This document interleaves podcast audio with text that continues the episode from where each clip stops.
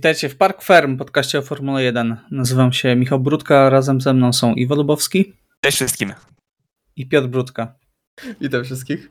Jesteśmy po Grand Prix Austrii. E, wyszedł tam całkiem ciekawy wyścig. E, ogólnie Austria jest chyba bardzo dobrym e, torem dla Formuły 1. Ciężko sobie przypomnieć jakiś wyścig, w którym naprawdę było bardzo nudno. Co prawda sobotni sprint nie był jakoś porywający, natomiast no, wyszło, wyszło, całkiem, wyszła całkiem niezła walka w niedzielę, prawda? E, tak, zgadza się. No tutaj cały weekend był trochę podzielony. Mieliśmy całkiem emocjonujące kwalifikacje, biorąc pod uwagę wypadki Mercedesa. E, średni sprint, natomiast ze świetną obroną Mika Schumachera, no i wyścig, który, na który zawsze czekam z tęsknieniem. Znaczy, szczerze mówiąc, liczyłem trochę na powtórkę z 2019 roku. E, doczekaliśmy się jej tylko w jakiejś tam małej części niestety, e, ale środek stawki wydaje mi się, że również e, tutaj bardzo pomógł w tym, w tym, w tym wyścigu, o czym pewnie jeszcze będziemy rozmawiać. Ogólnie jako weekend no, daje takie 7 na 10. Wydaje mi się, że sprint tutaj trochę popsuł, w innym wypadku myślę, że ocena byłaby wyższa. Okej, okay, Piotrek, jak zgadzasz się z tą oceną? Czy twoim zdaniem no, było dobrze, czy, czy mogło być lepiej trochę, jeżeli znaczy, chodzi o walkę na przodzie? E, no, znaczy mogło być lepiej. Oczywiście tutaj e, dochodziło do tej właśnie dużej różnicy w tempie na dobrą sprawę e, pomiędzy e, Maxem Verstappenem a dwoma Ferrari.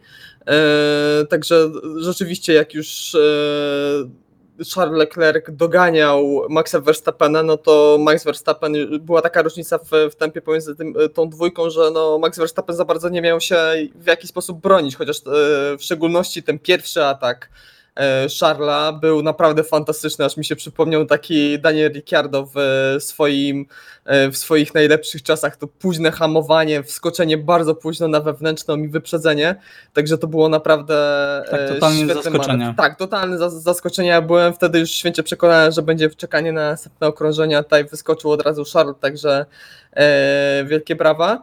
E, a wyścig naprawdę był dobry. Mieliśmy dużo walki, e, trochę walki z przodu, mieliśmy dużo walki e, z tyłu, mieliśmy dramaturgię pod koniec, jeśli chodzi o pedał gazu w samochodzie Charlesa Leclerca. Mieliśmy awarię u Carlosa Sainza, także Ferrari, jeśli chodzi o niezawodność w formie.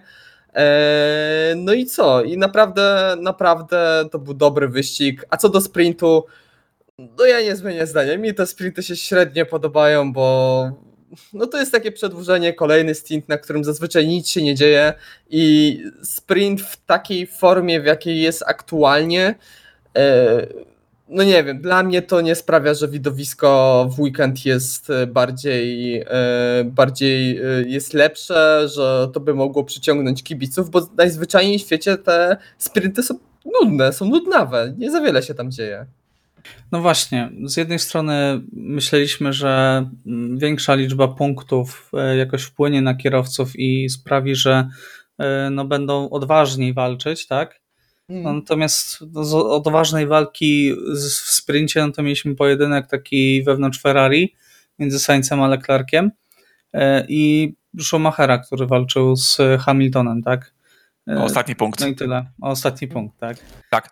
tak. Znaczy, ja, ja się trochę zastanawiałem na ten temat, o co chodzi. I mi się wydaje, że to jest po prostu kwestia tego, że y, dystans tego sprintu y, jest taki, że y, zazwyczaj kierowcy zakładają, zespoły zakładają kierowcom pośrednią mieszankę i przez bardzo, przez większość tego sprintu oni muszą oszczędzać te opony, żeby nie zjeżdżać, żeby dojechać na tej oponie, żeby te, te, te opony nie spadły z klifu i żeby nie stracili mega tempa. I myślę, że to jest dosyć duży problem. Plus, wydaje mi się, wpadłem na taką ideę, że może powinniśmy mieć w trakcie sprintu jeden e, obowiązkowy pit stop. I to by e, o wiele bardziej e, uatrakcyjniło ten, e, ten sprint jeden pit stop. E, niekoniecznie trzeba byłoby użyć dwóch różnych mieszanek, ale przynajmniej raz trzeba zjechać na wymianę opon. I może to by po prostu trochę, e, e, trochę przemieszało, tutaj wesz- wszedłby właśnie ten... Podcięcie, możliwość tak. podcięcia przeciwnika, tak? Dokładnie, możliwość podcięcia, może trochę później, może ktoś by zaryzykował i jechał na tej pierwszej pozycji praktycznie do ostatniego okrążenia i na ostatnim okrążeniu wymienił te opony, może to by zadziałało. No właśnie, mielibyśmy to taki dosyć e, taką różnorodność, bo na razie no to jest po prostu od momentu startu to mamy dwa, trzy może pojedynki na torze i praktycznie nic się nie dzieje, bo kierowcy też za bardzo nie chcą ryzykować. E, Bo nawet jeśli chodzi o te punkty, e, ale no, największe punkty mamy do zdobycia w niedzielę i albo mogę zaryzykować niebezpieczny manewr wyprzedzania i W zakręcie Schlossgold. tak, i zyskać jeden punkt więcej, albo zyskać w ogóle jeden punkt, albo mogę startować jutro z ostatniego miejsca. Także to też myślę, że to, to też jest mały problem, że e, start do niedzielnego wyścigu e, jest kolejnością z tego sprintu. I to też ma wpływ na zachowanie Mhm. kierowców i na podejmowanie ryzyka przez nich. Zwłaszcza w dobie ograniczeń budżetowych, tak? Widzieliśmy po samym Mercedesie, który widać było, jak tam musiał kleić e, swoje bolidy po piątkowych kwalifikacjach, w których się rozbili. Czytałem nawet, że było zagrożenie, że jeżeli się rozbiją w sprincie, to nie wystartują w niedzielę, także tutaj też dochodzą takie czynniki, z którymi wcześniej raczej nie mieliśmy do czynienia. Czy sądzicie, że wydłużenie może trochę e, tego dystansu coś spowoduje, czy może nie wiem, w inną stronę powinniśmy skrócić ten dystans, żeby można było po prostu opony, że tak powiem, szargać tak i walczyć bardziej, a nie tylko no, dojeżdżać do mety. No, wydaje mi się, że tutaj już byśmy się trochę za bardzo rozdrabniali. Krótki dystans byłby chyba za mało satysfakcjonujący zarówno dla Liberty, jak i dla, dla widzów, jak i dla zespołów, żeby w ogóle coś takiego organizować. Dłuższy dystans już by się zlewał tak naprawdę trochę z, z wyścigiem, więc osobiście ja bym sprinty zaorał. Nie jestem chyba jedyną osobą, ale już tyle tych sprintów mieliśmy, niestety moim zdaniem nie obroniły się póki co, nawet przy większej ilości punktów. A, I szkoda po prostu rozdrabniać. Jakby ten niedzielny osobiście wyścig, wolę- niedzielne widowisko. Problemem też sprintów jest to, że jeżeli mamy y, zaskakujące kwalifikacje, to sprint wyrównuje tą stawkę Tak jest. i to psuje nam niedzielę. Tak jest. Ja nie chciałbym naprawdę zobaczyć suchego sprintu po świetnych deszczowych kwalifikacjach. Mhm. No, to byłby dramat dla niedzieli. Czyli tak, czyli Oramy. okej, orka sprintów, do widzenia. Już przesyłamy wiadomość do FIA. Tak. Nie, ja myślę, że właśnie też dużo by dało to, że do startu, start w niedzielę był z e, tych kwalifikacji, ta kolejność, że to jak Znaczy tu osobne koniec... punkty, tu osobne punkty, a Tak, kwalifikacje. tak. No, Okej. I to też mogłoby by, by trochę zmienić tę sytuację. No i wtedy zdobywca pole position startowałby z pierwszego miejsca w niedzielę, tak? Tak, Po Bożemu, że Po tak Bożemu, powiem. dokładnie. A to, E- jest, to, nie, to nie jest głupie. To, nie, to pisz, pisz, pisz tam maila, Michał. Okej, Jestem dobra. jeszcze obowiązkowy pit stop, bo to jest też. Tylko muszę uważać, żeby przypadkiem do Masiego y, nie napisać, bo już nie późno. No dobrze, to przejdźmy w takim razie do tego, co się działo dokładnie w, nie, w niedzielę, a działo się sporo y, z przodu. Mamy no, niesamowitą rzecz. Ferrari ograło po raz pierwszy od dawien dawna też strategicznie przeciwnika, y, ograło Red Bulla. Charles Leclerc się przełamał, nie tylko wrócił na podium y, po raz pierwszy od Miami, ale po raz pierwszy od końcówki marca wygrał wyścig i zaczął e, troszeczkę chociaż odrabiać e, tą ogromną stratę. No właśnie, ogromną czy nie ogromną, bo to też jest 30 parę punktów, czy to jest dużo, czy to jest mało. Zależy, prawda, e, od sytuacji w następnych wyścigach. E, Także jak skomentujecie Ferrari? Z jednej strony mamy przełamanie Leclerca i świetne zarządzanie oponami, natomiast z drugiej no mamy ten dramat Sainza, tak, bo zanosiło się na bardzo łatwy dublet w końcówce wyścigu, aż do e, awarii Sainza i jak to skomentujecie? No tutaj przede wszystkim trzeba pogratulować Ferrari, że korzystali z szansy, którą dostali, jakby mieli strategię, której nie mogli zepsuć. Jakby wczesny pit stop Maxa Verstappena to była sytuacja, której Ferrari nie miało prawa zepsuć i na szczęście tego nie zepsuła, bo jednak gdzieś tam z tyłu głowy wiadomo niebezpieczeństwo sieci. Nie lekceważ ich. Tak, tak, tak. Skorzystali z okazji, mieli strategię nie do zepsucia, nie zepsuli jej. Bardzo dobre tempo. e, świetnie jadący i dobrze wyprzedzający Leclerc w walce tak samo z Verstappenem, który jasny, miał wolniejsze tempo, ale mimo wszystko to, był, to jest Max Verstappen, jego trzeba umieć wyprzedzić. Natomiast no Sainz i drugie auto, to jest właśnie ten dramat z tego względu, że na początku sezonu martwiliśmy się o wydajność jednostki Red Bulla, o ich awaryjność. Mhm. W tym momencie zastanawiamy się, ile samochodów z silnikiem Ferrari w ogóle dojedzie do mety.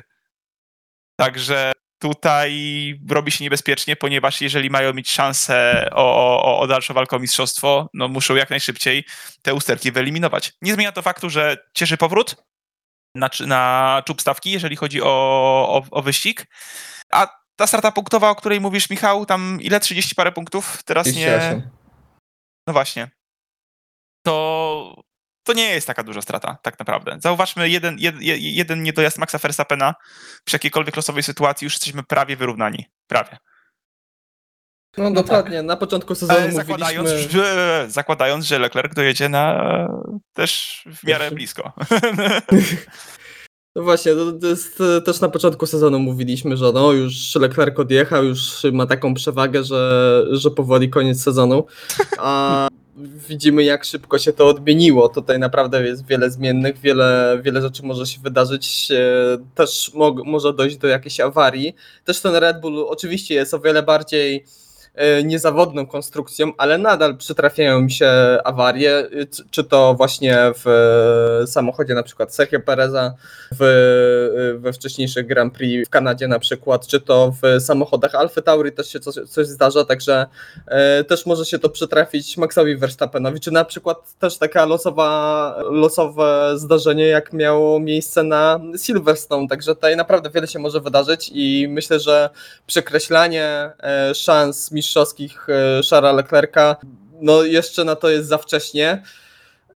To e, tak na minus i co może niepokoić e, i Charla i fanów Ferrari, no to to, że zespół Ferrari musi działać praktycznie co wyścig tak jak działał w, tym, w ten weekend, bo naprawdę w końcu wszystko tam, praktycznie wszystko tam zadziałało, było ok, wszystko było dobrze pod kątem strategicznym, pod kątem decyzyjnym, e, także tutaj naprawdę w dużej, e, wiele, o wiele możemy tutaj chwalić Ferrari, no tylko ta niezawodność i myślę, że ta niezawodność może być problematyczna i głównie przez to mogą finalnie, jeśli przegrają ten sezon, no to, to może być jeden z głównych przyczyn, bo też zapowiadali, czytałem takie wypowiedzi Binotto, że no nie zamierzają jakoś skręcać tego silnika i nie zamierzają jakoś oszczędzać tych silników, tylko iść na całość, także no różnie to może wyglądać. Znaczy tak, z jednej strony Binotto to powiedział, natomiast z drugiej od razu powiedział też, że pracują nad poprawą niezawodności już jakieś poprawki w Grand Prix Francji mają się pojawić pod właśnie tym kątem. Także uwierzę, jak zobaczę. Natomiast e, chciałbym zaznaczyć jedną rzecz. Bardzo szkoda mi Carlosa Sainza. On ma strasznie ciężki sezon. Ma w końcu bolid, w którym może walczyć o zwycięstwo. Zdobył to zwycięstwo. Ale zobaczcie, w, w Wielkiej Brytanii nie pojechał jakiegoś wybitnego wyścigu, wygrał, a tutaj naprawdę był szybki. W sprincie walczył z Leclerciem, nie odstawał od Leclerca jakoś strasznie w tym weekendzie. Moim zdaniem pojechał lepszy weekend niż, niż dwa tygodnie temu, niż w Wielkiej Brytanii, dwa tygodnie wcześniej. I no i nie dojeżdża do mety i ma znowu pecha, tak? I nawet podkreślał to Carlos w wypowiedziach, że jak tylko zaczyna coś iść dobrze, to zaraz potem jest awaria i musi wracać do samego początku, tak? No tak, tak to... no ma, ma pecha Carlos Sainz, bo że, to, tak jak mówisz, no, jeśli chodzi o tempo, to tempo w ten weekend miał znacznie lepsze i był znacznie bliżej e, Charlesa Leclerca niż e, w, w zeszłym tygodniu. No, dziwny ma ten sezon trochę, bo też e, trzeba przyznać, że Carlos Sainz trochę miał tych przygód i trochę też tych przygód ze swojej winy. No nierówny jest. Także nie jest najrówniejszym kierowcą e, w tym sezonie, ale rzeczywiście w momencie, w którym jedzie dobrze, w którym naprawdę ma dobre tempo i powinien po prostu zasługuje na dobry rezultat, na mocne, mocny rezultat, mocne punkty, e, no to wchodzi niezawodność Ferrari. Natomiast chciałbym jeszcze poruszyć jedną kwestię, to co mówi się kuluarach trochę i o czym też wspomniał Binotto, że Ferrari rozwiązało jeden z problemów, który no, przeszkadzał im mocno w poprzedniej części sezonu e, odnośnie wysokich prędkości na prostych Red Bulla. Jeździli z tym skrzydłem i ogólnie z samochodem e, ustawionym na, na mocny docisk, tak, na niskie prędkości. Natomiast e, po raz pierwszy w Kanadzie Leclerc wypróbował tego nowego skrzydła z mniejszym dociskiem.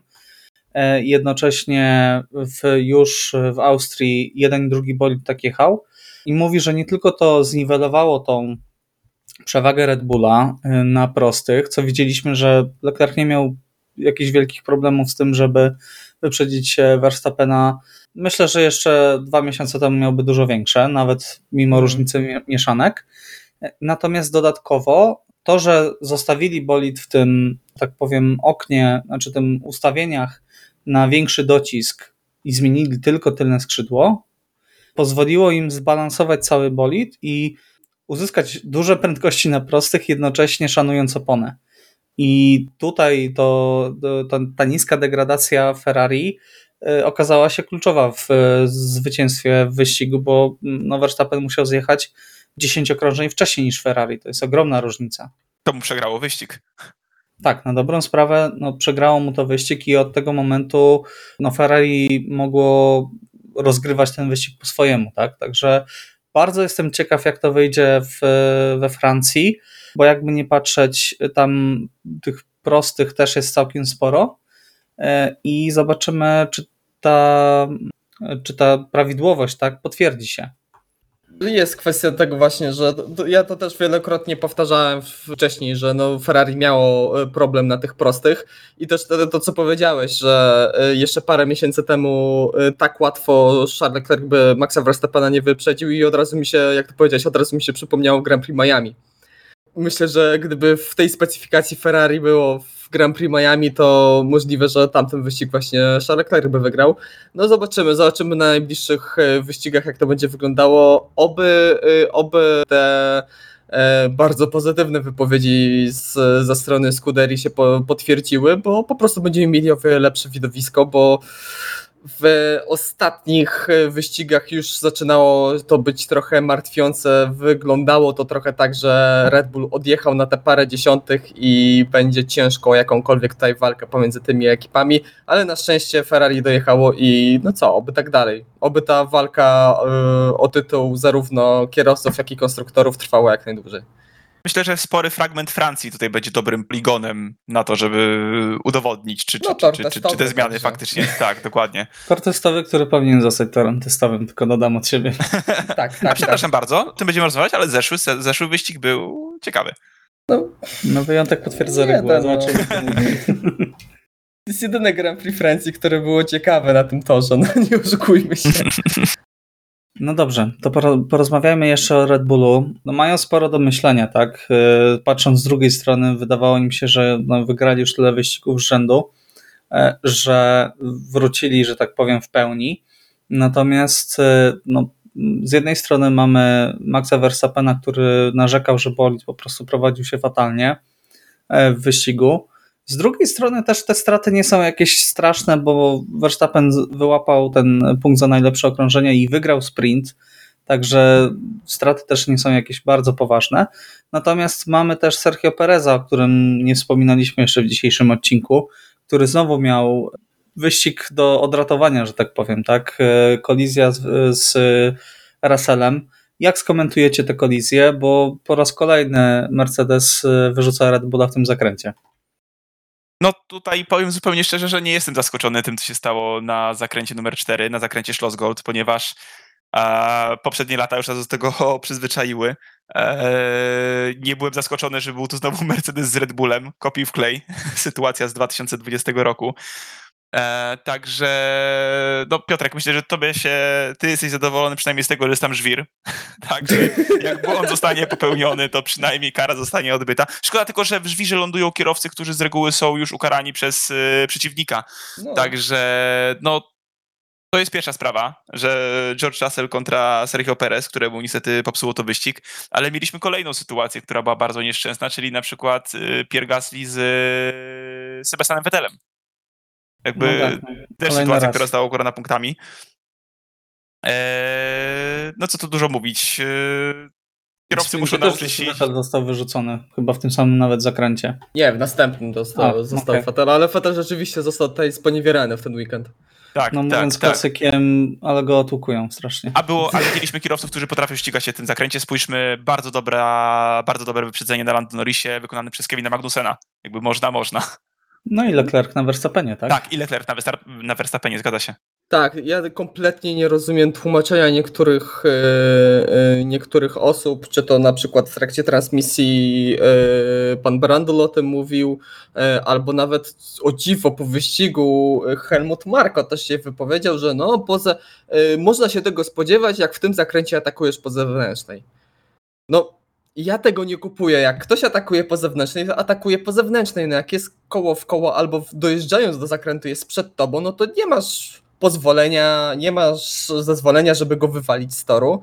I szczerze powiedziawszy też nie kupuję tłumaczenia się George'a Russella, który się nie zgadza nawet po wyścigu, bo w trakcie wyścigu to wiadomo, że emocje, nerwy y, i Nikt się zawsze zgadza. I, trakcie i jak nikt dostaniesz się karę, nie jak zgadza, dostaniesz karę, to zawsze czujesz się pokrzywdzony i że wyglądało to zupełnie inaczej. Y, Jak czasem jeździmy w sim racingu, to też, też tak czasem mamy, że w trakcie, jak jest kontakt w trakcie jazdy, to y, lecą obelgi, jest, są nerwy, denerwujesz się, później patrzysz na powtórkę i takie, a no rzeczywiście A mogę się widzisz, tylko zachować lepiej. 10%, a widzisz tylko 10% tego, co się dookoła ciebie dzieje, nie? Dokładnie, dokładnie. Także to jest zupełnie inna perspektywa, ale George Russell też miał e, pretensje do sędziów i czuł się źle potraktowany nawet po wyścigu, także tego akurat już kompletnie nie rozumiem, e, bo wydaje mi się, że tutaj 5 sekund kary było najmniejszym, e, najmniejszym wymiarem, bo szczerze powiedziawszy, no e, George Russell wyeliminował z tego wyścigu Sergio Pereza bo te uszkodzenia były na tyle duże i że musiał się y, jakiś czas później Meksykanin po prostu wycofać z No tego czasy, wyścigu. czasy Pereza były potworne po prostu. Tak, to sam Red Bull powiedział, że on by skończył dwa okrążenia z tyłu za, za resztą i to nie miało najmniejszego sensu. E, oczywiście znowu wraca temat, że e, sędziowie rozpatrują sam incydent, a nie skutki tego incydentu. E, jest to jakieś tłumaczenie, ale tutaj w 100% się zgadzam, że po, po prostu to była w pełni wina George'a Russella, bo była, było miejsce po wewnętrznej, wystarczyło po prostu wolniej wejść w ten zakręt, wiedząc, że masz kierowcę po twojej lewej. I to całkiem szybkiego. Całkiem szybkiego i który już był przed tobą, także no błąd George'a i myślę, że tutaj nie ma co się skarżyć na sędziów. Tak, ja to powiem, nie ma co się skarżyć na sędziów. Wow! Ale zgadzam się w pełni, tak. Niesamowite. Y, Trzeba to gdzieś zapisać. Piotrek zgadza się z Mamy, nagra- mamy nagrane. Tak. Tak, mamy nagrane. E, Spokojnie, ja mam przygotowane jeszcze inne rzeczy.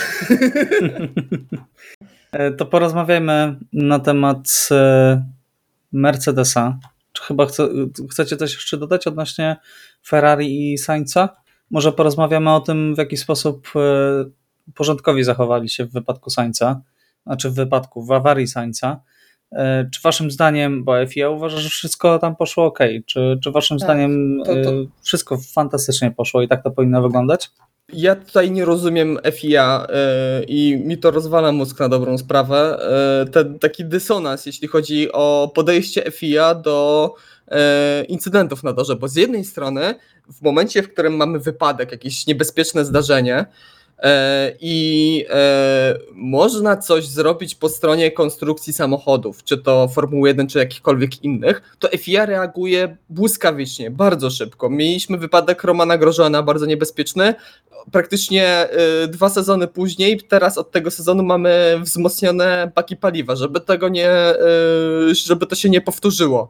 Mamy też zmiany konstrukcyjne, tak żeby ta, y, od tego sezonu, żeby ta energia lepiej się rozkładała i te uderzenia o wysokich przeciążeniach aż tak bardzo negatywnie nie wpływało na kierowców. Mieliśmy wypadek Guan Yu Zhou, który y, i tydzień temu i już na tygodniu, na dobrą sprawę, już w tym tygodniu po w, w weekendzie w Austrii, y, mamy informację, że od przyszłego sezonu, już od przyszłego sezonu, system Halo, czyli ten pałąk, y, ma być bardziej wytrzymały, ma być wzmocniona wytrzymałość tego elementu, mimo że spisał się bardzo dobrze i wszystko tam poszło ok. Także pod tym względem tutaj FIA reaguje bardzo szybko, reaguje dobrze i tutaj wielkie brawa. Ale mamy drugą stronę medalu, czyli sytuację, y, sytuację, jeśli chodzi o samą konstrukcję torów. Właśnie, czy to porządkowych, słynnych y, porządkowych na Bliskim Wschodzie, gdzie już na początku tego roku mówiliśmy parę razy, że na przykład to, co się działo w y, trakcie y, y, Grand Prix Arabii Saudyjskiej, to był nieśmieszny żart, gdzie często y, pół toru musiał przejechać dźwig, żeby za, zabrać samochód rozbity. Albo mieliśmy tutaj sytuację z porządkowymi, że e, no moim zdaniem tro, za długo to trwało, po prostu. Ci porządkowi byli za daleko, nie byli, widać było, że nie byli e, odpowiednio przygotowani, bo to też myślę, że nie można zwalać 100%, w 100% wszystkiego na porządkowych, bo te samochody z systemami hybrydowymi no, są niebezpieczne, w szczególności kiedy jest tam jakaś awaria, duża awaria, coś e, zaczyna się płonąć, tam są e, system hybrydowy, ma bardzo duże e, napięcia, bardzo duży woltaż może pójść i po prostu jak podejdziemy nieprzygotowani, będąc porządkowym do takiego samochodu, to po prostu nawet może się to skończyć utratą życia przez takiego porządkowego, bo porazi go prąd i może zginąć na miejscu, także to też jest bardzo niebezpieczne. Także myślę, że tutaj pod tym kątem też e, po- porządkowi powinni być bardziej, e, może powinni mieć ten ekwipunek do gaszenia albo do obsługi samochodu, który właśnie może mieć awarię tego systemu hybrydowego bardziej pod ręką, a nie, nie, nie w takiej sytuacji, że musieliby biec gdzieś dalej albo przyjeżdżać jakimś samochodem. E, Albo też jeszcze zahaczę o temat kiełbasianych tarek, bo muszę to bo, y, poruszyć ten temat, bo mieliśmy Odcinek sytuację... kiełbasianek starek Tak, jest... Ale nie, ale bo to jest chore, bo y, mi się wydaje, że y, musi zginąć jakiś kierowca na torze, żeby w końcu FIA poszła po rozum do głowy w tym temacie, bo mieliśmy tydzień temu z, historię w, formu, w wyścigu Formuły 2, gdzie Roy Nissani y, wleciał, znaczy y, Hauger wleciał w Nissaniego y, właśnie po najechaniu na tą kiełbasianą tarkę, wyleciał poza tor, został wypchnięty i później nie miał kontroli nad samochodem i No na leciał w samym powietrzu, po końcu prostu leciał w powietrzu. został wystrzelony w powietrze, a z drugiej strony w ten weekend mieliśmy e, historię w, tra- e, w trakcie sześciogodzinnego wyścigu na Monce w WEC-u, gdzie była awaria hamulców w Astonie Martinie i też kierowca wleciał na kiełbasiane tarki i się sk- skończyło tak, że kierowca dachował.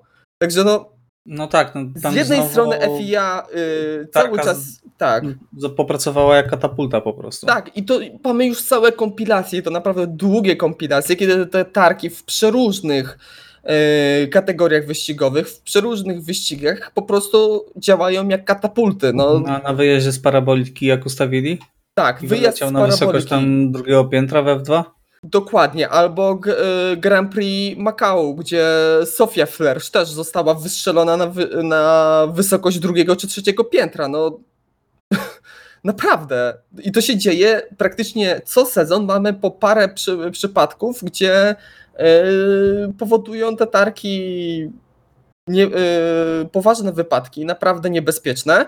I FIA ma to kompletnie gdzieś. I z jednej strony mówią o bezpieczeństwie, z, drugiej strony naprawdę wzmacniają e, i ulepszają to bezpieczeństwo, jeśli chodzi o konstrukcję samochodów, ale jeśli chodzi o zabezpieczenie toru, o rzeczy na torze, to oni zawsze mówią, że wszystko ok, jest git. I ja tego nie rozumiem i już kończę No. swój monolog.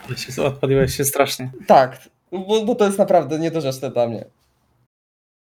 E, No tak, no w pełni się zgadzam. Nawet Lando Norris podjął ten temat, który powiedział, że to jest absolutnie no, krytyczne, tak on powiedział, u, użył określenia critical, e, żeby usunąć, zakazać po prostu używania tych e, tarek.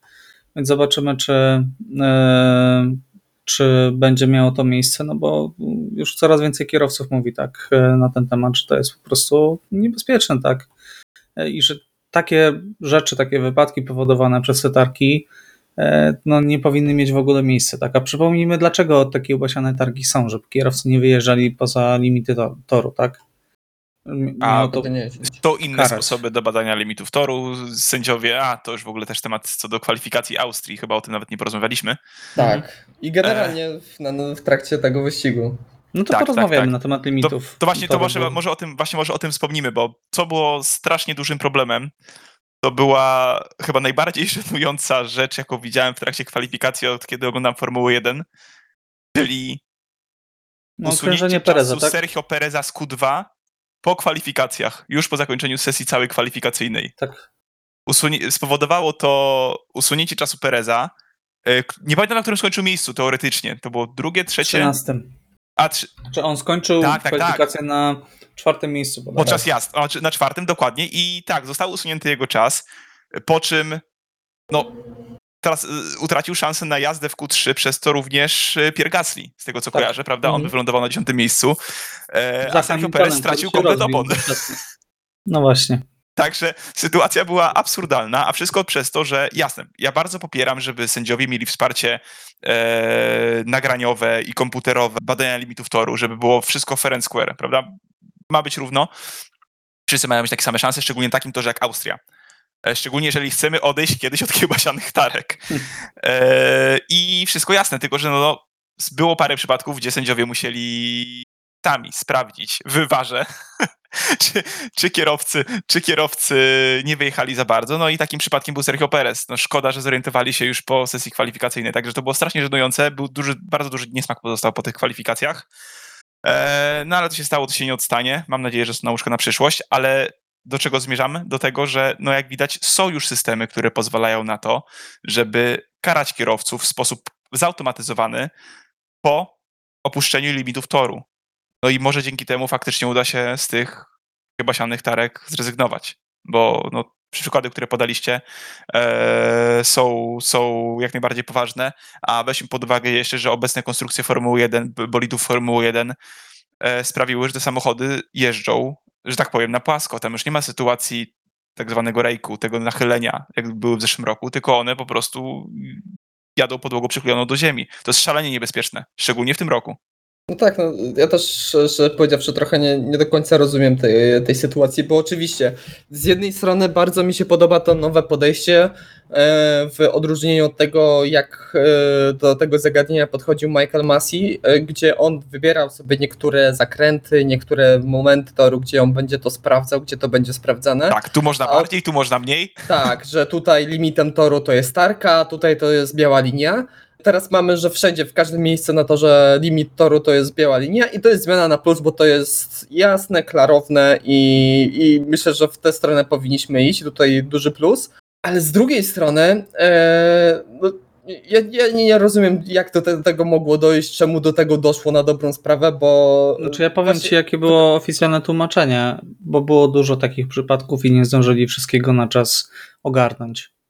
Z jednej strony mówią, że to jest proces automatyczny, a z drugiej, jak się okazuje, to chyba jest tam osoba, która po prostu sprawdza te wszystkie Mhm. nagrania i dopiero decyduje, tak? A Tak, z no drugiej strony, właśnie o to Ale chodzi, mnie osobiście na- wystarczyła jedna powtórka w telewizji, żeby powiedzieć, no Tak, przecież jakby wyjechał. wszyscy byli przekonani, wszyscy chyba komentatorzy, którzy komentowali ten wyścig, e, byli chyba zszokowani, e, dlaczego Sergio Perez faktycznie jedzie dalej. Plus, umówmy się, w tej takiej sytuacji, znając Austrię, myślę, że wszyscy by zrozumieli, że jest dwu, trzyminutowe opóźnienie w ruszeniu z, z ruszeniem z Q3, ponieważ taki, taki i taki kierowca jest under investigation, musimy zobaczyć, czy limity Mhm. toru zostały zachowane, czy nie. Myślę, że no ja bym to zrozumiał.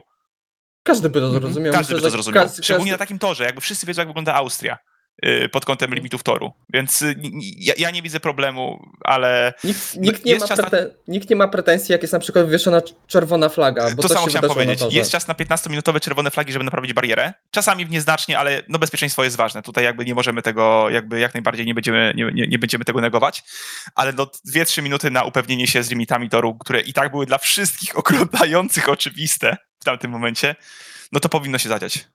Tak, no właśnie yy, to, to chciałem powiedzieć, że czego nie rozumiem, bo z jednej strony właśnie było mówione i byliśmy powiedzmy karmieni taką informacją przez FIA, że to jest proces zautomatyzowany i od razu wiadomo. No jak widać nie. To może okej, spojrzeliśmy może przed, pod złym kątem, może faktycznie jeszcze był gdzieś tam na linii, a jak się okazało nie.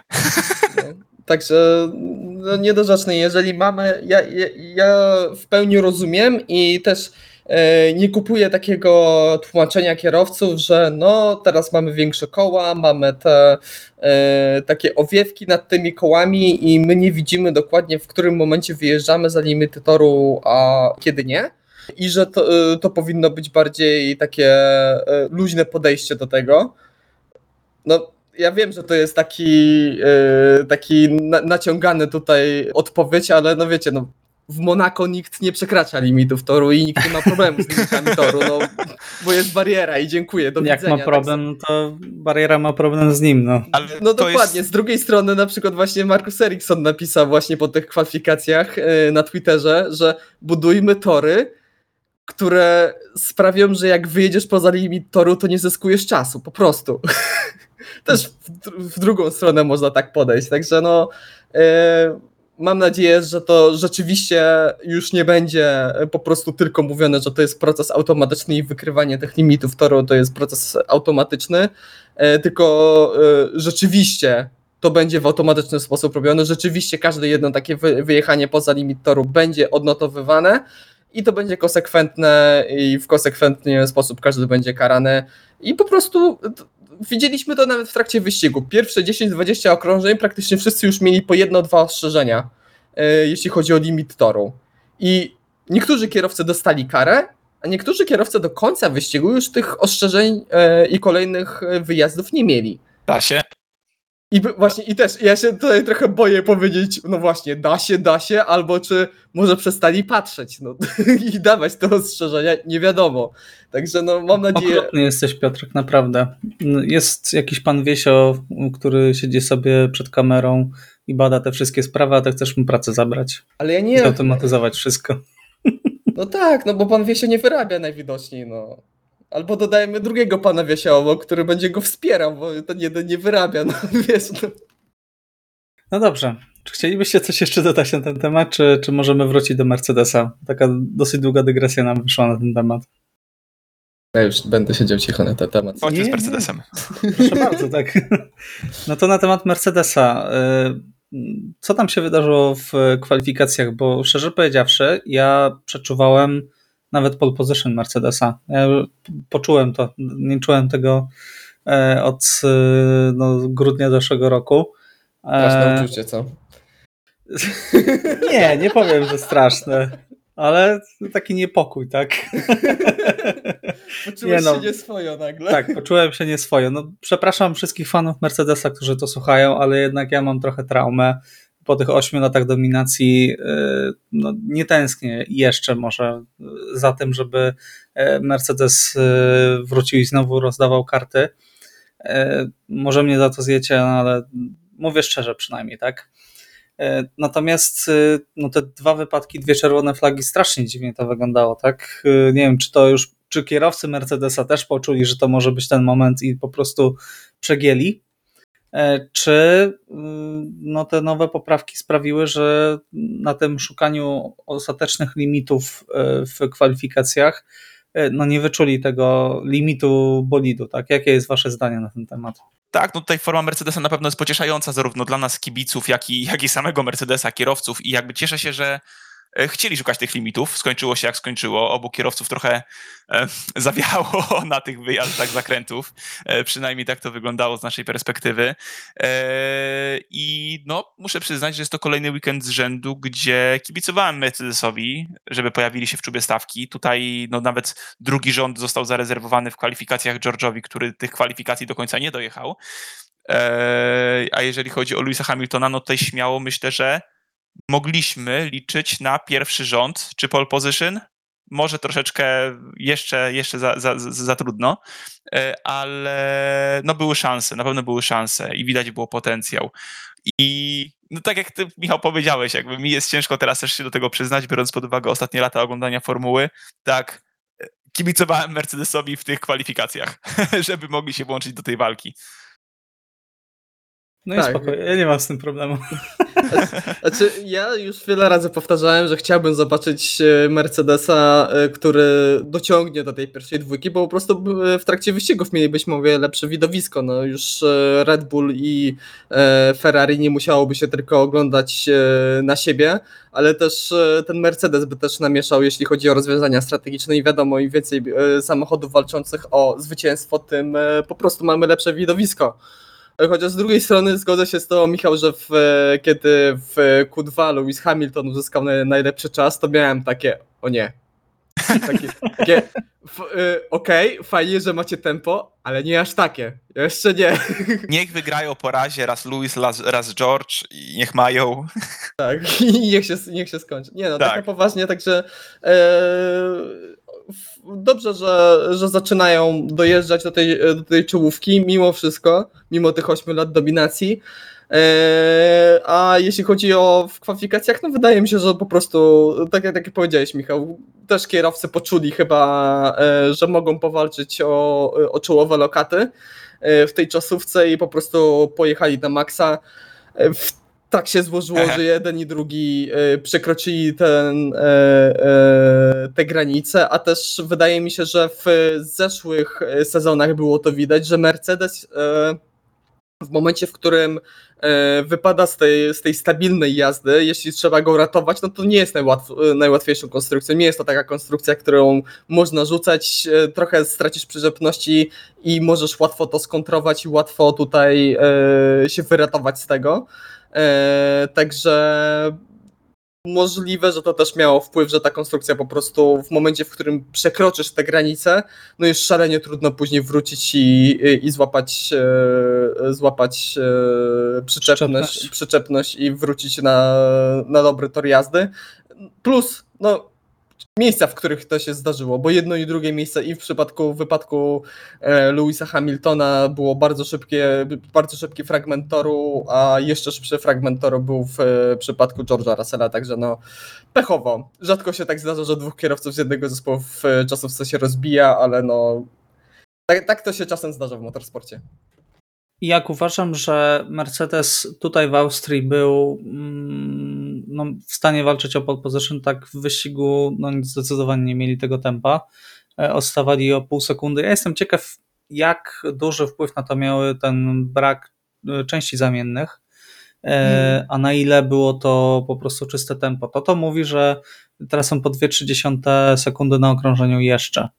No ja jestem w stanie w to uwierzyć i myślę, że właśnie ta większa strata, to, co mówisz, pół sekundy na okrążeniu, e, to też w dużej mierze po prostu wynikało z, z tego klejonego bolidu e, i z tych, że nie mieli wszystkich części zamiennych i musieli je po prostu na bieżąco e, naprawiać. Swoją drogą bardzo mi się podoba ten, ten motyw teraz w Formule 1.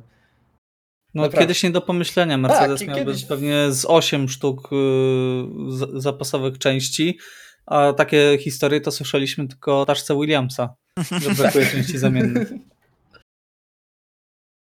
Trzeba sobie radzić w ciężkich czasach. Dokładnie. E, No dobrze, to w takim razie ja jestem bardzo ciekaw. e, Mam wrażenie, że na torze, który pasuje, będzie pasować specyfice technicznej Mercedesa, już teraz są w stanie walczyć naprawdę o zwycięstwo, natomiast e, już poszły plotki, że szykują kilka pakietów, jako że już poradzili sobie z tym porpoisingiem, e, który no, spędzał im sen z powiek, e, szykują duże pakiety poprawek. Czytałem to, że już mają być może nawet w Austrii przywieźć, ale oczywiście nie przywieźli, więc, więc na spokojnie. Natomiast y, te poprawki jestem przekonany, że kiedy mm, przejdą i, i Mercedes może naprawdę być bardzo groźny w drugiej części y, sezonu, która no, historycznie im zawsze bardziej pasowała niż pierwsza. Oby, oby. Liczę na to. Oby tylko wszystko nie, nie zaczęli wszystkiego wygrywać, no wtedy wycofam swoje słowa. Okej, dobrze, to przechodzimy dalej. E, Porozmawiajmy o Alpin e, i McLarenie, bo z jednej strony e, no, rozmawialiśmy o tej walce, tak, i wyszło po raz kolejny, że no, McLaren ma bolid, który jest nierówny, tak. To, o czym mówiłem, niektóre tory im bardzo pasują, niektóre im tory kompletnie nie pasują i w kwalifikacjach w ogóle nie weszli do Q3. Natomiast Alpin radzi sobie no, naprawdę coraz lepiej, tak. Widzieliśmy, że Alonso e, sam mówił, że mógł nawet e, powalczyć o czwarte miejsce w kwalifikacjach. E, Natomiast e, Ocon pojechał kolejny totalnie Bezpłciowy jakby bezpłciowy weekend, ale, Ale dojechał na piątym tempem, miejscu. prawda? Tak? Tak. Solidny, slow and steady wins the race, tak? E, Dojechał na piątym miejscu, zainkasował 10 punktów dla zespołu e, i był to jego jubileuszowy wyścig, tak? Z tego co pamiętam. Chyba setny, tak? Czy dwusetny? Ciężko Chyba setny. powiedzieć. Przepraszam, dwusetny, jeszcze musiał- nie, za młody. Mało ich, Za młody. ma, mało ich pamiętam. Jak w, stu, w 190 wyścigu yy, pierwsze swoje zwycięstwo osiągnął Sergio Perez. Także Tak, natomiast myślę, że warto wspomnieć o tym, co wyczyniał Fernando Alonso. Yy, Skończyło się na siódmym miejscu w kwalifikacjach. W drugim e, treningu przed sprintem e, przez cały trening przejeżdżał po brudnej części toru, żeby nagumować go, żeby dać sobie większe szanse w sprincie. Co więcej, kiedy doszło do e, próbnego startu, nie mógł wystartować ze swojego miejsca sprintowego, że tak powiem, no to podjechał, zatrzymał się w połowie miejsca między polami startowymi swoim i przeciwnika przed nim i stamtąd wystartował, żeby nie dawać przeciwnikowi przewagi, tylko sobie. E, Szczwany Lis Alonso po prostu po raz kolejny, No. natomiast tak? yy, tak, tak, tak, to właśnie chciałem potwierdzić, ale i chyba dojść do tego, co ty chcesz właśnie powiedzieć, że szkoda, że nie mógł skorzystać z tych Tak, wszystkich dokładnie. swoich tutaj trików i sztuczek. Tak, no ten widok y, tych koców grzewczych, kiedy wszyscy już są gotowi do startu, był bardzo smutny. Na? Tak. początku I na podnośniku jeszcze. myśleli, że tak, że co to w ogóle zapomnieli o co chodzi, tak? Okazało się, że tam jakaś grubsza awaria była. E, No i nie wystartował Fernando w sprincie, ale w wyścigu przebijał się z ostatniej pozycji. E, Dostał kolejny nowy silnik. Alpin to chyba już, nie wiem, skończy sezon z dziesięcioma silnikami, jak tak dalej pójdzie. Mm, Jak McLaren Honda kiedyś. No i pojechał bardzo dobry wyścig, tak? E, Mimo, że e, kolejna historia z cwanego Alonso. Nie wiem, czy to e, wyłapaliście i widzieliście Tak. po wyścigu. To może Piotrek powiesz, bo ja już taki monolog ciągnę i ciągnę. Tak, to było po prostu niesamowite. W trakcie neutralizacji po awarii Carlosa Sainza, generalnie wtedy Fernando Alonso miał szansę na naprawdę dowiezienie fantastycznego rezultatu i może nawet dojechaniem przed Estebanem Okonem, bo bardzo dobrze e, to się zgrało, jeśli chodzi o jego postoje. No niestety Alpin znowu wkroczyło do gry e, i nie dokręciło lewego przedniego koła e, w samochodzie Fernando Alonso. I Alonso to zauważył krótko po wyjeździe i nie dość, że był w stanie przejechać całe okrążenie, nie tracąc tego koła, nie pozwalając, żeby to koło się ześlizgnęło, z, e, ześlizgnęło i odleciało, e, to jeszcze dodatkowo przez radio w ogóle o tym nie mówił. Znaczy, mówił, że musi zjechać jeszcze raz. Tak, że i- jest problem z tak. autem, i problem, problem, box, box. Tak, E, box again, go box pytał, again, tylko tyle tak. pytali się o co chodzi, a on odpowiadał box again, box again, nic więcej, y, żeby nie dostać kary, żeby FIA się nie skapnęło, bo za to no, niestety są kary i koniec końców niestety Fernando Alonso dostał tę karę, dostał karę za właśnie to niedokręcone koło tutaj z winy zespołu, plus dodatkowo jeszcze musiał zjechać, no właśnie, żeby mu to koło dokręcono. Także tutaj podwójnie ukarany Fernando, a i tak koniec końców skończył na, wyścig na 10 miejscu w punktach. Także On powiedział inżynierowi o co chodzi, ale dopiero na wjeździe jak do zjechał, jak stopu, jak tak. zjechał. Tylko Tak, powiedział front left, nic więcej. tak. No Także, To i- jest... Widać doświadczenie tego kierowcy. Jakby dla, dla, dla tych momentów lubię go oglądać. Tak jak kiedyś właśnie mówię, byłem negatywnie do niego nastawiony, tak dla tych momentów chcę, żeby on był w Formule 1. ja, No i nie można jeszcze zapomnieć jeszcze o jednym, tak? Czyli ten manewr na Tsunodzie, kiedy jechał z otwartym DRS-em. I, I grożenie paluchem. Tak, e, przejechał przez kawałek trawy, wyprzedził Tsunodę, jeszcze mu pomachał palcem, pogroził mu palcem. No, po prostu dla mnie to była najlepsza akcja tego całego wyścigu. Tak, to było coś pięknego. No wiadomo, że Fernando Alonso ma już doświadczenie, jeśli chodzi o wyprzedzanie połową samochodu y, na trawie. Słynny manewr wyprzedzania na, y, na Moncy. Y, Ale tutaj było no, niesamowite. To też pokazuje, jak z jednej strony, jaki ma duży dystans do, do, do innych kierowców, że czuje się w takiej pozycji, że ich poucza i pokazuje im, że nie, tak nie wolno, tak nie powinieneś robić, przemyśl swoje zachowanie. Tak. Ja trochę tak e, nawiązując do tego, Iwo, e, powiedziałeś, że lubisz właśnie takie dobre momenty Fernando Alonso. Ja się martwię, że się zaczną pojawiać te złe momenty i te ciemne e, oblicze Fernando Alonso, bo to już kolejny, Mam nadzieję, że jest kolejny, to, za- mam nadzieję, że jest już na to za stary, szczerze mówiąc. Naprawdę na to liczę.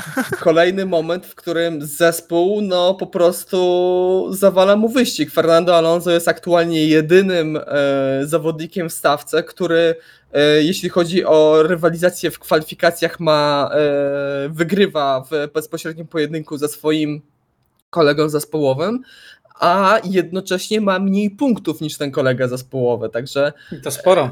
E, I to naprawdę sporo. I tutaj już mamy kolejny e, weekend, kolejną taką sytuację, gdzie albo Fernando Alonso ma awarię i traci przez te punkty, albo po prostu zespół zawala sytuację i przez to Fernando nie może uzyskać dobrego rezultatu. Także ja się boję, że tutaj e, wrócą do demony przeszłości i w głowie Fernando znowu się za- zacznie, e, pojawi ta myśl, która zacznie rosnąć, e, że zespół go sabo- sabotuje, bo chce go wypchnąć, żeby, żeby wcisnąć Piastriego. Nie, tam Piastri pójdzie do Wi- Williamsa i się skończy. Michał, ja nie mówię, ja mówię, co się może pojawić w głowie Fernando. Ja, ja Słuchaj, to miałem jest w głowie człowiek, który- Fernando krzyczącego all the time you have to leave the space, jak wyprzedzał. To jest człowiek, który dwa razy potrafił spalić mosty w McLarenie. Oj tam, oj tam. No i wprowadził toksyczną sytuację w Ferrari też. Która jest chyba po dziś dzień. No dobrze, no ale Renault nie zepsuł, tak? Dwa razy był w zespole i jest trzeci i ma, mamy nadzieję, że tutaj też e, nadal atmosfera będzie ok. Dobrze. E, ogólnie rzecz biorąc, e, ciekawy wyścig, tak? E, Fernando Alonso. Myślę, że można tak to podsumować. Natomiast e, Alpin zrównała się punktami z McLarenem, także ta walka o czwarte miejsce w konstruktorach nabiera coraz większych rum- rumieńców. Dodatkowo y, myślę, że trzeba wspomnieć o tym, że Daniel Ricciardo wydał oświadczenie, bo tak y, coraz więcej ludzi wręcz domaga się tego, żeby y, McLaren go porzucił na następny rok. Y, Pojawiają się plotki, że nawet zniknie z Formuły 1. No i Daniel chyba doszło do niego wielokrotnie, już chyba ma dosyć i wydał oświadczenie. E, Wydał oświadczenie, że absolutnie nigdzie się nie wybiera, że bardzo ciężko pracuje do, na to, żeby wrócić do e, swojej normalnej dyspozycji e, i żeby nawiązać walkę z Lando Norrisem i no, z jego strony ma kontrakt do 2023 i zamierza go w pełni wypełnić. Jak sądzicie? Bo z jednej strony tak, ma kontrakt, ale z drugiej no, nie ma kontraktów, których się nie, rozwią- nie da rozwiązać w Formule 1, prawda? No, Tak, mi się wydaje, że dużo zależałoby tutaj od drugiej połowy tego sezonu, bo no, cały zeszły rok, poza Monzą oczywiście, był pod takim znakiem zapytania i transferu. Jakby wi- widać było, że jest nowy zespół. Może kierowca musi się przyzwyczaić, ale no, drugi sezon, w którym wszyscy kierowcy zaczynają od zera praktycznie w zupełnie innych konstrukcjach, trochę niepokoi. A, no tutaj szkoda, że patrzymy na Daniela Ricciardo pod tym kątem, czy nie zostanie zerwany z nim kontakt ze względu na jego, na, na jego jakość, tak na jego tempo, e, bo no jest to kierowca, który jeszcze parę lat temu mówiliśmy, że no, powinien Musi zostać, zostać powinien, mistrzem ma świata. szansę zostać mistrzem świata, dokładnie. Jest jednym z tych kierowców, których byśmy stawiali na pierwszym miejscu w walce o mistrzostwo. E, także przykro się to ogląda, no natomiast mamy wielu innych kierowców, którzy gdzieś tam już czekają na te miejsca, prawda, uzdolnionych również, więc e, no, sport jest nie, bezwzględny, tylko 20 miejsc, e, ale szczerze mówiąc, jakby Daniel Ricciardo jest tego typu kierowcą, którego no, na pewno chciałbym zobaczyć do końca kontraktu. Znaczy też trzeba zwrócić uwagę na jedno, że pojawiają się, już ludzie zaczynają wyłapywać takie rzeczy, że w momencie, kiedy Lando jest szybszy od e, Daniela i to zaraz potem idzie komunikat, żeby Daniel go przepuścił. Natomiast w sprincie bodaj była odwrotna sytuacja i inżynier powiedział, że wróci do niego z informacją i nie wrócił do niego praktycznie do końca sprintu, tak? Tak. Odzwonimy do pana. Tak, dokładnie. E, Ale ja nie mam telefonu. E, Więc y, to też nie jest tak jednoznaczne. A McLaren ma taką historię, że jak miał kierowcę, który mu nie pasuje, no to nagle się okazuje, że nie jest w stanie kompletnie nawiązać e, wa- walki z, ze swoim kolegą zespołu. No, patrz Van Dorn, tak? Tak. Tak, no dokładnie. Ja też się właśnie nad tym zastanawiam, bo z jednej strony e, zarówno Zach Brown, jak i właśnie Ricciardo powiedzieli, że no, zostanie do przyszłego sezonu i w przyszłym sezonie będzie jeździł w McLarenie. Z drugiej strony są te słowa Briatory, który mawiał, że nie wierzy w plotki, e, które nie zostały e, zdementowane.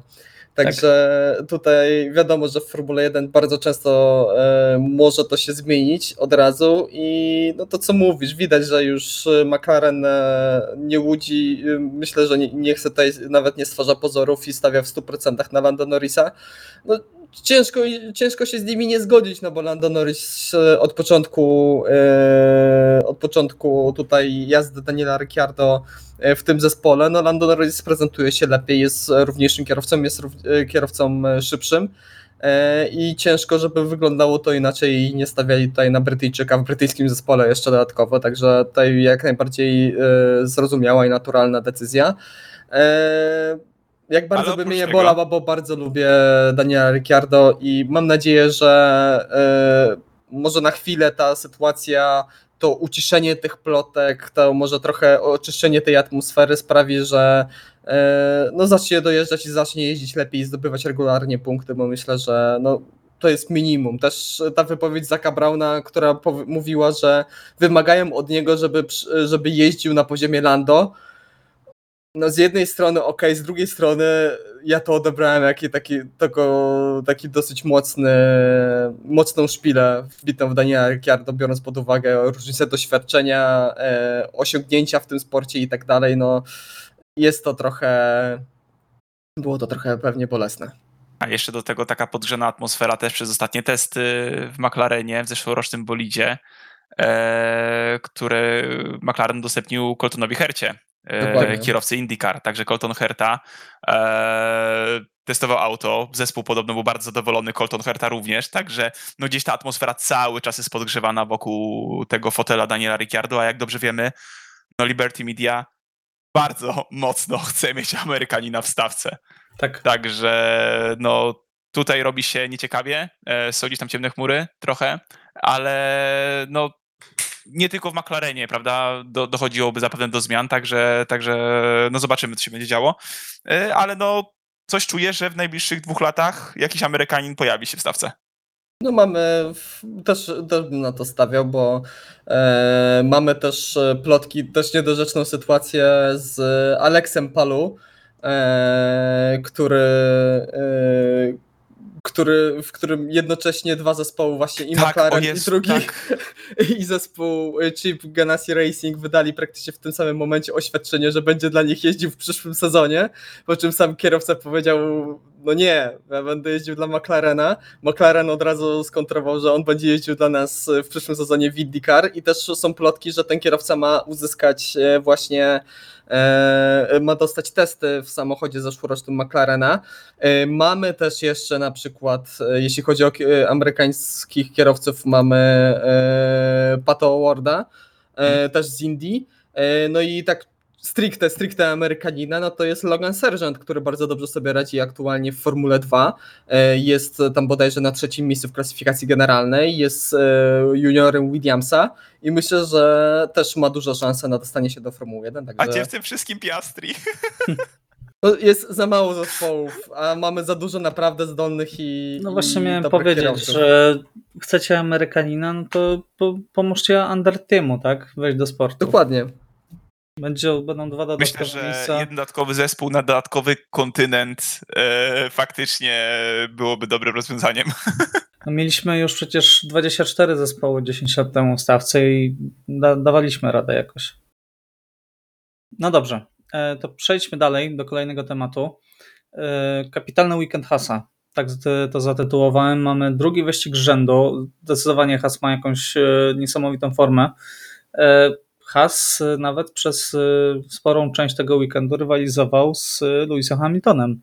E, I w sprincie Schumacher walczył i walczył też e, podczas wyścigu. E, No, wyglądało to bardzo obiecująco. Sporo manewrów wyprzedzania. E, Świetna jazda Schumachera. Naprawdę, jak jechaliśmy po nim, strasznie tak. No, mamy to jakieś przebudzenie z jego strony, bo nie tylko nie odstaje już od Magnusena, ale był w ten weekend od niego szybszy.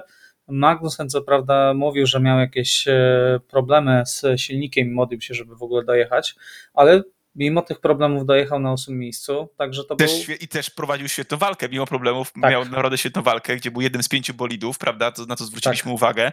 E, gdzie też wyprzedził pod koniec tej walki Lando Norrisa, także Tak, dokładnie. Także naprawdę e, no ja jestem zaskoczony. To jest jeden z takich bardziej spektakularnych e, powrotów. Zobaczymy, to, czy to tylko na dwa wyścigi i te dwa tory po prostu im bardzo leżały, e, czy będzie to trwać trochę dłużej. No, przeskoczyli Alfa Tauri w klasyfikacji konstruktorów e, i to był drugi najlepszy wynik e, Hasa w wyścigach Formuły 1. Także Piotrek, chyba twoja e, ta teoria o przebudzającym się Schumacherze w drugiej części sezonu e, no zaczyna się powoli potwierdzać, prawda?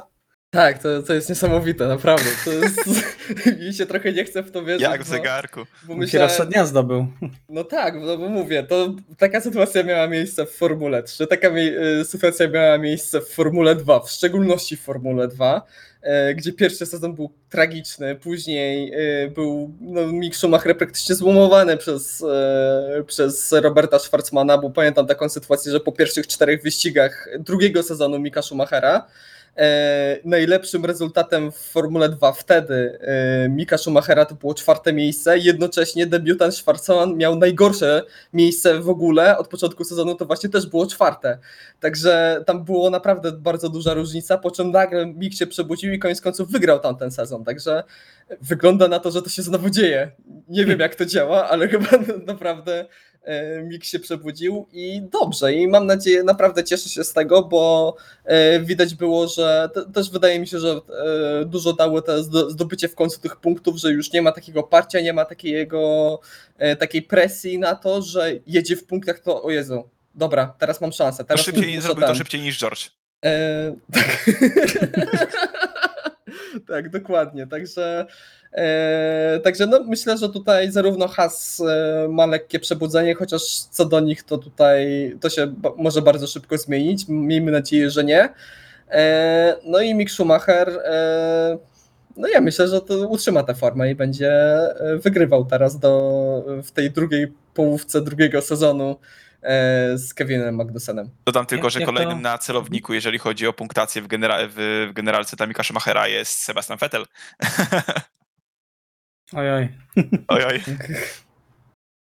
E, No, a co mówiliśmy dwa odcinki temu, do- dosłownie dwa odcinki temu?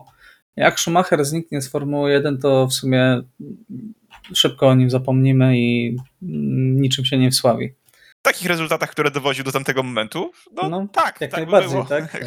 Także to tylko pokazuje, jak Formuła 1 się y, szybko zmienia e, i jak e, możemy szybko zmienić zdanie na temat różnych kierowców po dwóch e, nawet wyścigach.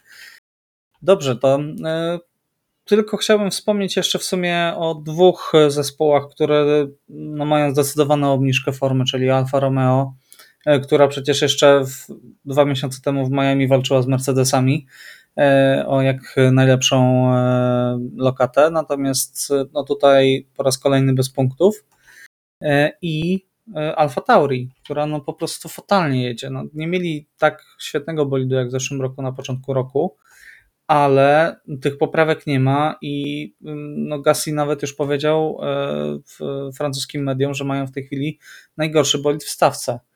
E, Uff. Tak, No, dokładnie. jeszcze jest bolid Latifiego. No ale Latifi dostanie we Francji już nową specyfikację e, z Williamsa, więc e, no, te słowa mogą się wydarzyć. No Gasly co prawda w kwalifikacjach powinien być w Q3, natomiast w wyścigu no kompletnie nie mieli tempo, tak? I to no nie wygląda to dobrze. Plus ta kolizja z Sebastianem Vettelem. No myślę, że tak jak powiedziałeś o tym e, przed chwilą, że jak szybko w Formule 1 możemy zmienić zdanie o danym kierowcy, to myślę, że Pierre Gasly jest tutaj najlepszym przykładem. A czy No, wiesz, ro- tutaj też rok bym temu- nie przesadzał.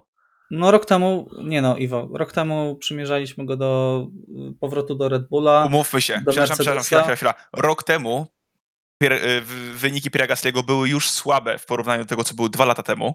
W pierwszym sezonie po powrocie, prawda, do Alfa Tauri, e, czy drugim, przepraszam. Eee, także Nie, zeszły, nie zeszły sezon, zeszły sezon był szalenie pechowy dla Piera Gastiego. Dwa lata temu był kierowcą całego sezonu, uważam, E, ale w tym momencie dalej ja uważam Piera Gastiego za jednego z najlepszych kierowców w stawce, który no po prostu nie ma fury. Także bym nie przesadzał jeszcze aż tak bardzo o zapominaniu o kierowcach. Eee, nie jest to Latifi, prawda? E, więc, e, więc tutaj bym nie demonizował. E, Ale tak, no zgadzam się z tym, że w tym momencie Alfa Tauri ma koszmarne auto i kosz, przywozi koszmarne wyniki. Ten wyścig, kolizja z Sebastianem Vettelem, ostatni wyścig, ostatni wyścig e, kolizja Yuki Tsunody z e, Pierem Gaslim, Tak, obracanie to po prostu było, to było coś niedorzecznego. Ten zespół nie powinien ze sobą walczyć w tym momencie, jeżeli chodzi o walkę kierowców. Także tam muszą być wprowadzone jakieś zmiany, jeżeli chodzi chyba o, o, o, o podejście do ścigania, żeby kierowcy niestety no, walczyli o wspólne cele w tym momencie. Nie są w pozycji, żeby walczyć o punkty indywidualne. E, Więc e, no, zobaczymy. Mam nadzieję jednak, że nie skończę na ostatnim miejscu. No, patrząc na wyniki Piera Gasly'ego, to w tym roku dowiózł punkty tylko w trzech, w trzech wyścigach, tak? Tak. Natomiast patrząc na za, zeszły sezon Iwo, to też do końca się nie zgodzę, bo w, miał taką serię w kwalifikacjach, gdzie zawsze był piąty. Ja się E, zgadzam. I na tamtym etapie sezonu, rok temu, już miał podium w Azerbejdżanie. E, siódme, dwa siódme miejsca, szóste miejsce, a Węgry piąty, Belgia szósty, Zandvoort czwarty. Wiem, że to trochę dalej w sezonie, ale jednak e, no okolice, tak? Więc naprawdę Gasly jeździł w zeszłym sezonie bardzo dobrze. Natomiast no w tym no Alfa Tauri nie, nie dowozi zdecydowanie, także nie wiem jak to tam wygląda od strony budżetowej, ale no mm, sami już kierowcy mówią, że przydałyby się jakieś poprawki. No, No to, dobrze. to jest akurat prawda. Tak. e, No dobrze, to w takim razie, czy chcielibyście coś jeszcze dodać? e, O czymś jeszcze porozmawiać, czy, czy zamykamy temat Grand Prix Austrii? Myślę, że można zamknąć. W tym No roku dobrze. wyjątkowo jeden wyścig na tym torze. Obyśmy już nie wracali do tych sytuacji z podwójnymi wyścigami, mimo wszystko. E, No dobrze, to w takim razie jeszcze porozmawiamy na kilka różnych e, tematów, e, bo pojawiło się sporo takich ciekawych informacji. Porozmawiamy jeszcze, m, nawiązując troszkę do Grand Prix Austrii, do spięcia na linii dyrekcji kierowcy. Nie wiem, czy słyszeliście o tym, ale Sebastian Vettel wyszedł ze spotkania kierowców z dyrekcją. E, Podobno tam była jakaś zawiła dyskusja, która nie prowadziła donikąd, zdaniem Vettela, e, którą rozpoczął Alonso, narzekając na swoją karę z Kanady, e, by the way. E, Natomiast od dłuższego czasu przebijają się takie głosy, że kierowcy nie są zadowoleni ze sposobów, w jaki dyrekcja wyścigowa z nimi współpracuje. E, I nawet Max Verstappen się e, wypowiedział, że no nie prowadzi to donikąd, e, tylko denerwuje na dobrą sprawę, a jeszcze dodatkowo y, no, strasznie uparci są dyrektorzy, a, a kierowcy nie walczą o jakieś rzeczy dla siebie, tylko dla, dla całego sportu, jego zdaniem. Jak to skomentujecie? Znaczy, jasne, dyrektorzy wyścigowi, dyrekcja wyścigowa generalnie powinna słuchać kierowców, no bo koniec końców to oni e, są na tym torze, to oni jeżdżą i też mają e, o wiele e, znacznie inną perspektywę niż dyrektorzy wyścigowi. Też mi się nie podoba trochę ta sytuacja, że nie mamy jednego konkretnego dyrektora wyścigowego, tylko tutaj mamy dwóch dyrektorów wyścigowych, którzy się zmieniają ale e, szczerze powiedziawszy też nie uderzałbym w takie, e, tutaj nie szedł i nie wierzył tak bardzo kierowcom, że no oni chcą wszystko dla, dla dobra sportu. Wydaje mi się, że tutaj też e, wyczuli trochę powiedzmy sytuację na ugranie na niektóre rzeczy po ich myśli, tak jak oni to sobie widzą, nie tak jak oni to chcą. I też dyrektorzy wyścigowi no nie mogą im ulegać w każdym jednym miejscu, w każdym je- jednym temacie, bo też e, no e, reputacja e, tej, tego stanowiska, czyli dyrektora wyścigowego w Formule 1 po ostatnim sezonie była, została totalnie zmasakrowana i zrównana z ziemią. E, także też mi się wydaje, że w niektórych tematach i w niektórych, e, w niektórych e, zagadnieniach dyrektorzy wy- wyścigowi po prostu są e, uparci też bardziej pod tym względem, żeby zbudować e, może autorytet, nie wiem. Ale no brak konsekwencji, jeśli chodzi o karanie, jeśli chodzi tutaj o, e, o rozpatrywanie rozpatrywanie incydentów pomiędzy kierowcami, no to to już jest, nie chcę się rozwodzić po raz setny na ten temat, bo to mamy w tym sporcie nie tylko od tego sezonu i to jest cały czas ta sama gadka, to, to ten sam temat i Mhm. nie wiem, czy Okej. kiedykolwiek to się zmieni. No dobrze. To Iwo, czy chciałbyś coś tutaj dorzucić? Nie, tylko podsumować, że no, sędziowie powinni być e, konsekwentni i powinni ulegać kierowcom, jeżeli chodzi o indywidualne wywalczanie jakichś tam kar czy, czy odpustów właśnie. Natomiast jeżeli chodzi, jeżeli chodzi o, o wspólne cele i o dbanie o bezpieczeństwo, no tutaj no, dialog jest jedną formą, więc na pewno nie mogą się e, nie mogą się zastawiać murem i muszą ze sobą współpracować. Mhm. E, ale jednocześnie bez ulegania. No, trzeba znaleźć złoty środek. I dopiero w tym sezonie tak naprawdę chyba muszą zacząć e, te współpracy wypracowywać, biorąc pod uwagę, co się działo ostatnio. Jak no, wspomnieliście. trzeba słuchać kierowców, powinno się słuchać kierowców, ale nie wszystko, co mówią kierowcy, to jest prawda objawiona i nie zawsze mają rację. Dokładnie tak. No dobrze, to w temacie dogadywania się y, kierowców z y, dyrekcją wyścigu Michael Massey ze FIA. Bardzo złe przejście. Myślę, że nie, Tak, tam, tam. nie, tak. nie jestem zaskoczony. No myślę, że wszyscy się tego spodziewaliśmy, tak? Y, Miał dostać jakąś inną posadę, ale chyba doszedł do wniosku, że jest na tyle już spalony, że, że lepiej odejść po prostu całkowicie za FIA. No musi, musi się oczyścić atmosfera wokół, wo- wokół jego nazwiska, wokół jego osoby. E, zdziwiłem się, myślałem, że to nastąpi od razu, e, a nie Mhm. będzie szukana mu jakaś inna, e, inna e, funkcja w FIA. No, Michael Massey nie był idealny, wszyscy o tym wiemy, e, no ale też myślę, że nie ma co go przekreślać na, na zawsze i no Nie, zobaczymy. no, może został, wróci. trochę, został trochę zaszczuty jednak mimo wszystko. Tak, tak. No, mimo wszystko, oczywiście ta sytuacja podczas Grand Prix e, Abu Dhabi ostatnie, e, w ostatnim sezonie nie była idealna. Można mieć co do tego duże zastrzeżenia, jednakże myślę, że hejt w dużej mierze i był po prostu nieproporcjonalny do tego, co, Tak. co zrobił koniec końców. Także ży- życzymy panu Massiemu Pokoju. znalezienia po prostu zajęcia, które, które będzie mu sprawiało satysfakcję i którym będzie się jak najlepiej odnajdywał. E, No i myślę, że nie ma co więcej dodawać, tak? No, nie rozwlekajmy tutaj też dyskusji. E, Natomiast jest jeszcze jeden temat, który chciałem poruszać przed, tym, przed tym, jak będziemy rozmawiać o Grand Prix Francji. Dyrektywa porpoisingowa. E, FIA nie odpuściła tego tematu. Miało wejść w życie od Francji, przeniesiono to na Belgię i już zarzekają się, że to jest ostateczny termin, e, więc zespoły mają, mają trochę czasu, żeby e, no, przystosować się do tego i nie wyskoczyć nagle z podłogą, która była przygotowywana, jak Mercedes w Kanadzie. Więc dodatkowo tam jeszcze dojdzie właśnie kwestia tej deski, która jest e, w podłodze, która mm, no, okazuje się, że zespoły prawdopodobnie Ferrari i e, Red Bull i możliwe, że Mercedes wykorzystywały do e, dodatkowego docisku, manipulując tam częściami tej deski. To też wejdzie do tej dyrektywy. E, I też e, zaję... będzie, będą pojawiły się już pierwsze informacje o zmianach e, na temat porpoisingu w 2023 roku.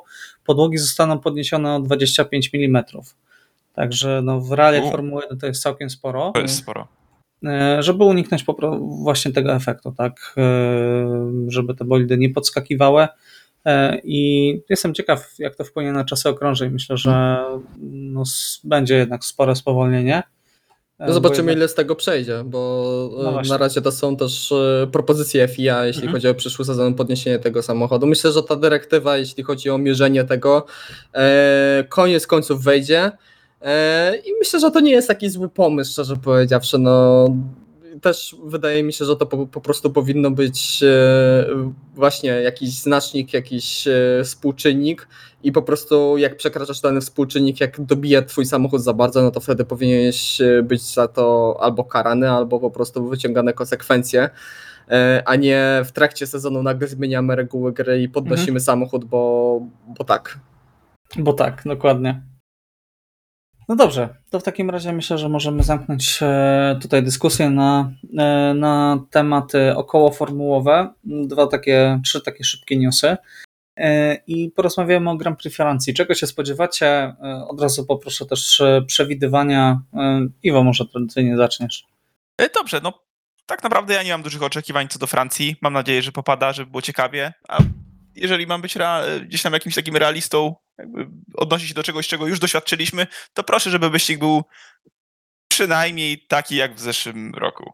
Czyli udany. Oj, to bardzo dużo prosisz. Tak, ja wiem, ale jakby to było raz jeden, to poproszę jeszcze raz i naprawdę będę ukontentowany. E, jeżeli chodzi o, o, moje przewidywania, no to postawmy, teraz trochę inaczej postrzelajmy. E, na pole position stanie Carlos Sainz, Wyścig mhm. wygra Sergio Perez, a kierowcą dnia zostanie wtedy. Nie, musimy zrobić inny scenariusz w takim razie. E, kierowcą dnia nie zostanie George Russell, stanie się coś nieoczekiwanego. Okej, okay. dowoduje się w innego kierowcy i jednak wyląduje na podium po świetnej jeździe? Tak jest. Piotrek, jak stawiasz? Czego się e, spodziewasz? A mogę powiedzieć o jeszcze jednym temacie, o którym zapomnieliśmy? Proszę bardzo. E, Grand Prix RPA od y, przyszłego sezonu będzie. Na 5 lat no na torze Kylami. Ale to jeszcze nie było tak oficjalnie potwierdzone, wiesz? To pojawiły się informacje, że, że został podpisany kontrakt, natomiast y, no ja się trochę tego obawiam, szczerze powiedziawszy, to znaczy z jednej strony super, że Formuła 1 no, są Mistrzostwa Świata, tak, i będzie jeździć w Afryce, to też jest na pewno ważne miejsce i ważny rynek, E, godzinowo nie ucierpimy, bo jesteśmy praktycznie w tej samej strefie czasowej. A Kielami to fenomenalny tak, tor. Jedna z najlepszych tak. nitek na świecie. No właśnie. Natomiast obawiam się, że tak podpisywane są te kolejne kontrakty i co wyleci. Bo jeżeli ma wylecieć SPA kosztem właśnie RPA, no to. To chłopaki będziecie w tym Ała. roku na historycznym wyścigu. No właśnie, nie wiem, czy mówiliśmy o tym na podcaście, e, ale no to powiemy jeszcze raz, tak, jedziemy na, na Formułę 1 z Piotrkiem, e, na Grand Prix Belgii, e, będziemy, mamy miejsce na trybunie z widokiem na Radią i Orusz, także spełniamy marzenia zdecydowanie. A jakie koszulki ubieracie? Macie jakieś koszulki zespołowe? Jakie koszulki ubieracie? Jeszcze nie mamy koszulek zespołowych. Ja mam, a, a ja jakie, mam, weźmiecie? jakie weźmiecie? Ja mam dwie historyczne, bo mam e, BMW Zaber z 2008 roku mm. i Renault z 2010 roku. Mm, także taki po, niezdecydowany. Powrót, powrót Roberta na 100%, ale planuję sobie sprawić e, koszulkę Alpini i Alonso, także. Okej. Okay. Ja, ja, jeszcze o. nie wiem. Oldschoolowo pójdę. Oldschoolowo. Masz jeszcze chwilę. tak, tak, zdecydowanie. Piotrek, to, to w takim razie yy, no myślę, że poczekamy, porozmawiamy na temat Kylemi, jak już będziemy mieć oficjalne informacje. E, natomiast twoje przewidywania, proszę, i czego się spodziewasz po ogólnie po Grand Prix Francji? No, Grand Prix Francji się odbędzie, yy, także nie mam jakichkolwiek oczekiwań. To jest tor, którego... Wybitny komentarz. Którego... No nie, nie lubię tego toru, po prostu jest nudne wyścigi tam są, to jest tor testowy i taki powinien być i taki w, od, z takim założeniem został zbudowany w ogóle. Także yy, no zobaczymy. E, a jeśli chodzi o moje przewidywania, no to myślę, że tutaj będzie powrót Ferrari, czyli w sobotę Charles Leclerc, w niedzielę Charles Leclerc, e, a kierowcą dnia e, zostanie Fernando Alonso. Tak patrzę, Piotrek, to jest już czwarty raz w tym roku, kiedy stawiasz nam Fernando Alonso jako kierowcę dnia. Ja wiem. Kiedyś muszę trafić. E, a nie został jeszcze ani razu, także zobaczymy, może, może będzie jakieś przełamanie. Natomiast. Wiesz, e, dlatego, dlatego tak- stawiam, bo jeszcze nie został. natomiast ja żałuję trochę, że pozwoliłem ci zmienić, e, bo stawiałeś na Maxa Verstappena w niedzielę, natomiast w ostatniej chwili chciałeś zmienić na Charlesa Leclerca, bo powiedziałem o tym, że może padać. Nie padało. Charles Leclerc wygrał i dzięki temu odrobiłeś jeden punkt. W tym yeah. momencie ja mam punktów 10, a Iwo razem z tobą po 9 więc wyrównana walka. Natomiast jeżeli chodzi o e, Francję, to ja stawiam, że w kwalifikacjach będzie najlepszy e, Charles Leclerc, e, wyścig wygra Max Verstappen, natomiast kierowcą dnia zostanie, pomyślmy, Valtteri Bottas. O, a co też ciekawie. Może Alfa się przebudzi na ten jeden wyścig. Alfa Romeo Redemption. Tak, dokładnie. Także dziękujemy Wam bardzo za uwagę. E, Jeżeli dotarliście do tego e, momentu z nami, e, życzymy Wam udanego wyścigu w Grand Prix Francji, co najmniej tak ciekawego jak w zeszłym roku. Natomiast o Grand Prix Austrii rozmawiali Iwo Lubowski, Dzięki, do usłyszenia. Piotr Brudka Dzięki wszystkim, cześć. i Michał Brudka. Trzymajcie się, cześć.